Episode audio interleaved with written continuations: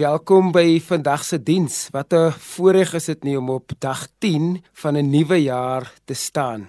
'n Jaar met nuwe moontlikhede, nuwe drome, nuwe lewenslesse en ook stories. Maar ook 'n jaar wat met nog onbekendheid kom. Nog vrees in mense se harte en mense wat nog wonder hoe hulle dit gaan maak deur die jaar want 2020 was al klaar vir hulle rof gewees.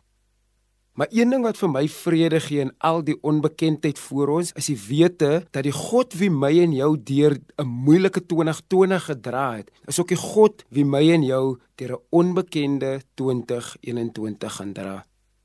Tye verander, mense verander, omstandighede verander, maar God bly dieselfde gister, vandag tot in alle ewigheid. My gebed is dat jy God sal beleef in die diens, dat jy sy nabyheid sal beleef en ook sy roeping op jou lewe weer sal oor nadink in die diens. Kom ons bid saam. Here in u goedheid en in u grootheid, luister na ons gebede, luister na ons stories, luister na ons vrese, ons twyfel en ontmoet ons daar. U het ons nog nooit alleen gelos nie. Al het dit baie keer so gevoel, veral in die jaar wat was. Maar U het ook beloof om die Heilige Gees te stuur wat ons sal troos. Wat ons raadgewer sal wees en die een wat ons in U waarheid sal onderrig. En as wil kom bid in die ongekende tye, weet ons dat dit die Heilige Gees se teenwoordigheid is wat ons herinner dat ons nie alleen is nie. Dankie vir sy teenwoordigheid in ons lewens.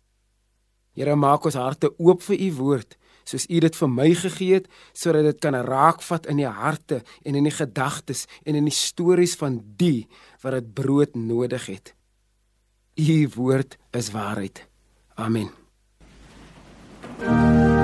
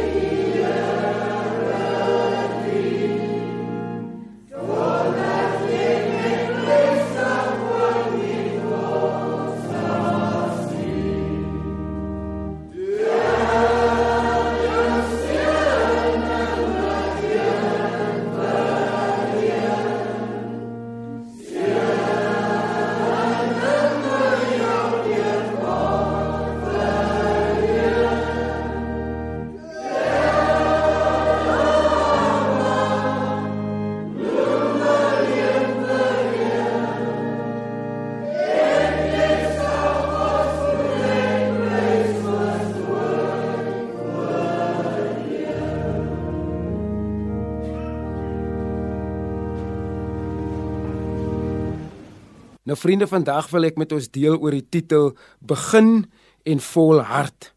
Ons staan aan die begin van 'n jaar waar ons drome droom, waar ons planne maak, waar ons dinge wil bereik. En ons het nou al gesien met ons eie nuwejaarsvoornemens in die verlede dat die goed nie altyd hou nie. Ek weet ek ek hou van draf, ek hou van oefen, ek hou van ehm um, wat so min as moontlik toerusting nodig het. Net 'n paar tekkies, 'n kort broekie en 'n T-hemp en daar gaan ek. Maar baie keer begin ek met soveel ywer my nuwe oefenplan, maar ek sien hom nie altyd deur nie is maklik om iets te begin, maar dit is nie so maklik om te volhard daarin nie. Dis dis maklik om iets nuut aan te pak, iets nuut te beoefen, maar dit is nie so maklik om dit deur te sien nie. En so is dit ook baie keer met ons geloofsreis, ons pad met die Here. Ek en jy begin ywerig in die nuwe jaar. Ons begin vol moed. Ons hou vas aan hom. Die Here het iets vars en iets nuut in ons lewe gedoen en ons is excited, ons is opgewonde daaroor maar ons volhard nie altyd in dieselfde passie met ons verhouding met die Here soos wat ons begin het nie. Ons val dikwels hier later in die jaar wanneer dinge moeilik raak, val ons terug in ou gewoontes, ons val terug in ou sondes, ou maniere van dink en doen. Ons lees nie meer sy woord so gereeld nie. Ons kom nie meer so gereeld by ander gelowiges uit waar ons kan versterk word nie. Nou weet ons ook in die tyd is dit nog moeiliker om by ander gelowiges uit te kom om daai geloofsdissiplines en ritmes meer te volhard. Maar die skrywer van die boek Hebreërs gee vir ons nog 'n blik op op die wedloop wat ons op is. Hebreërs 12 vers 1 en 2 sê vir ons die volgende woorde, daai bekende teks sê vir ons met so 'n magtige skare toeskouers rondom ons om ons in die wedloop van die geloof dop te hou. Hy verwys natuurlik na die hoofstuk 11 waar hy al die geloofshelde se stories vir ons opgeroep het en gesê het kyk na die mense se lewe. Hulle het almal 'n uh, God vertrou. En in hoofstuk 12 sê vir ons met met al daai geloofshelde wat ons in die geloofswetloop dophou, kom ons stroop alles af wat ons spoed kan vertraag veral die sonde wat so maklike hou vas op 'n mens kry. Kom ons hardloop met volharding op die baan wat voor ons uitgestrek lê, ons oë vasgenaal op Jesus, die een op wie ons geloof vanaf die wegspring tot by die eindstreep steen. Jy sien hierdie teks praat met mense wie op 'n goeie pad begin het. Mense wat ywerig en vol moed begin het, maar later begin moeg raak het, begin twyfel het. Mense wie ook eens aan God vasgehou het, aan sy beloftes vasgehou het, maar toe die swaar kry begin druk en dit voel of God se beloftes vir hulle te ver is, het hulle ook begin twyfel en wou die spreekwoordelike handdoek ingooi soos ons sê.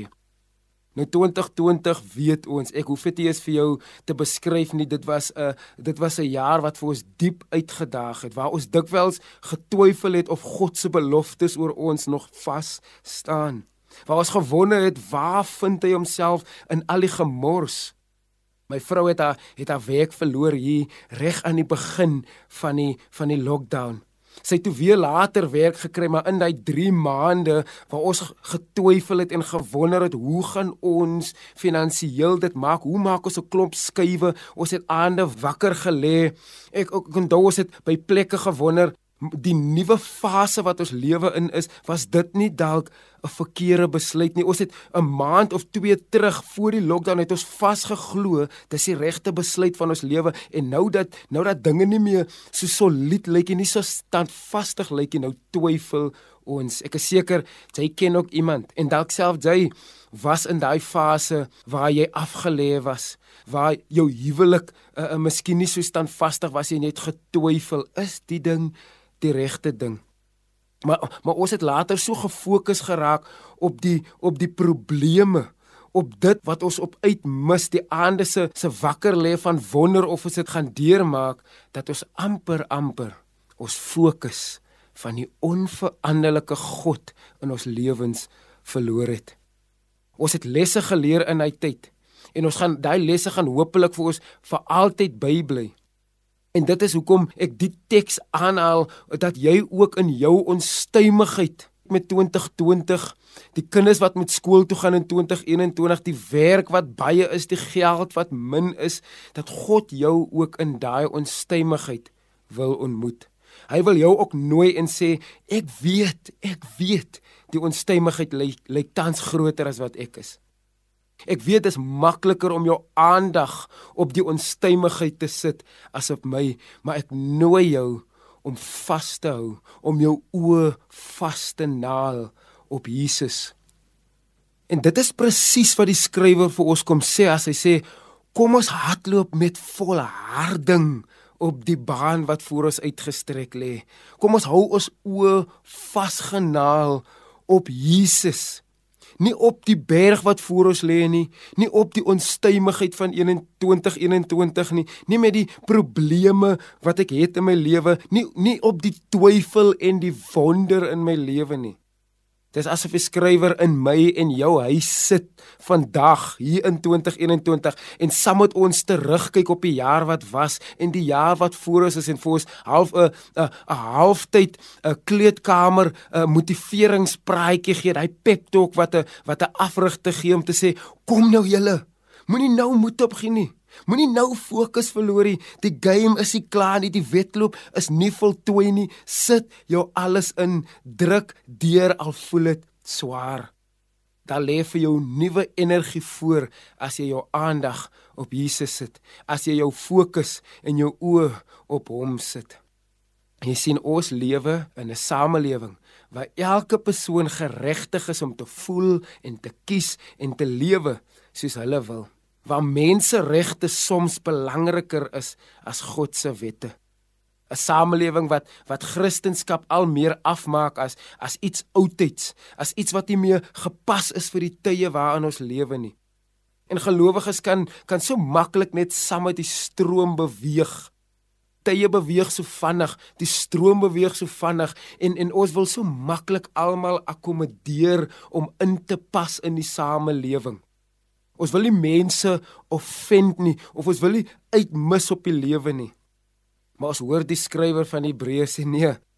Stroop jouself in 2021 van al die goed wat jou spoed vertraag in jou reis met God.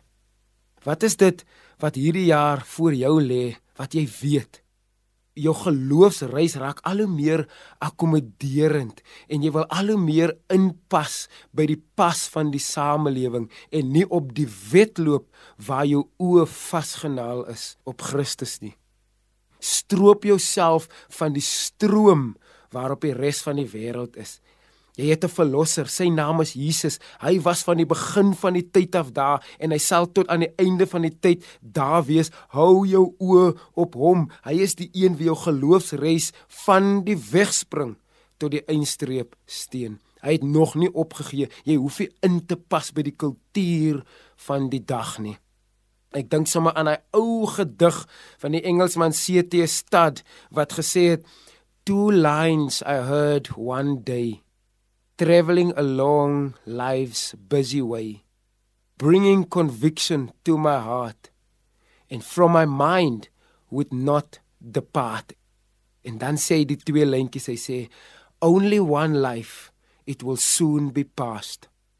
Only what's done for Christ will last. Ek en jy kan hierdie jaar met baie dinge doenig wees. Ons kan klomp goed bereik, selfs goeie opbouende goed. Goed wat nie mense seermaak nie of wat nie mense offend nie of wat nie skade aan mense doen nie of wat nie immoreel korrup is nie en ons kan nog steeds 'n wedloop hardloop wat nie van God af is nie. Ons kan nog steeds 'n wedloop hardloop wat nie deel is van God se wil vir ons nie en deel is van dit wat hy deur ons wil doen nie. Die gedig se se lyne herinner ons dat net dit wat ons saam met Christus vir Christus en in pas met sy wil in 2021 gaan doen, sal aan die einde van die dag, aan die einde van die jaar, aan die einde van ons lewe ewigheidswaarde hê. Ek en jy is ewigheidsmense. Ek en jy is die mense wat saam met die volgende stroom van die samelewing gaan nie. Ek en jy is mense wat bou en wat doen en wat dink vir die ewigheid. Ek het 'n prediker eendag hoor sê ook so hier aan die begin van die jaar waar hy mense uitgedaag het om na te dink oor dit wat ek en jy sal wil hê.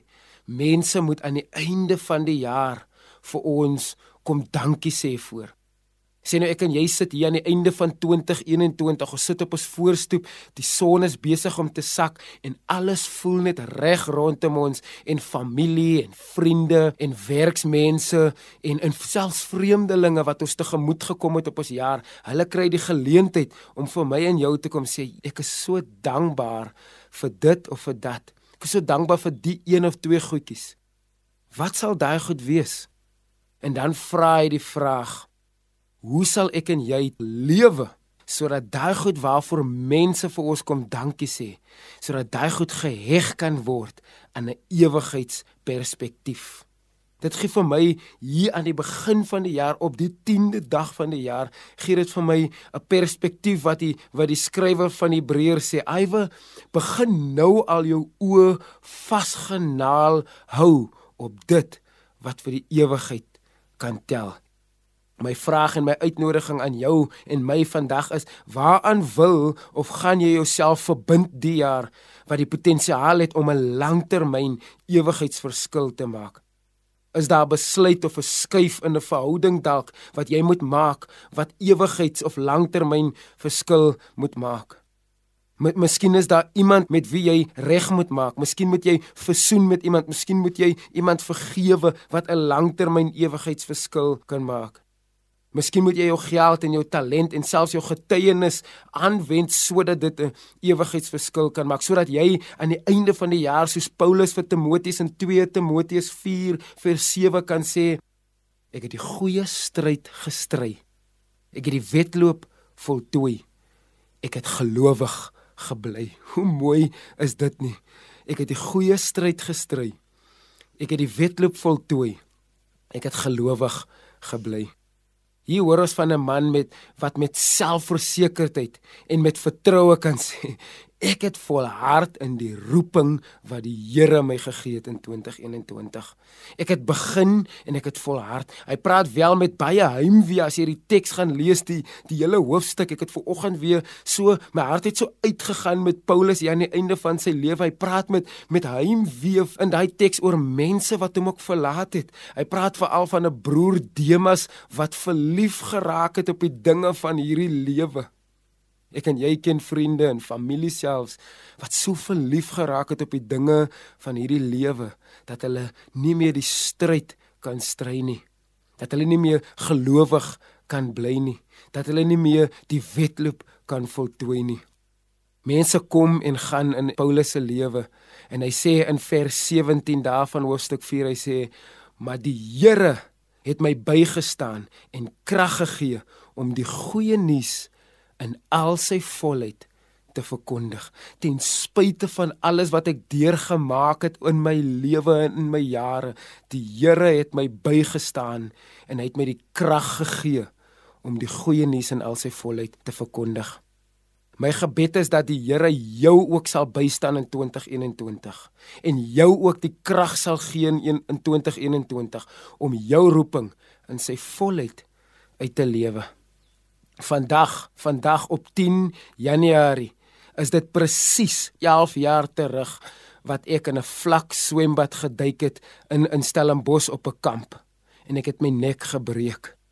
Maar die Here het my bygestaan. Die Here het my krag gegee dat ek nie verlam is of dood is nie, dat ek hier kan wees, dat ek my roeping kan uitlewe, dat ek 'n boek kon uitbring in 2020, dat ek sy naam kan grootmaak, dat ek 'n getuienis kan wees van 'n God wat nooit verander nie.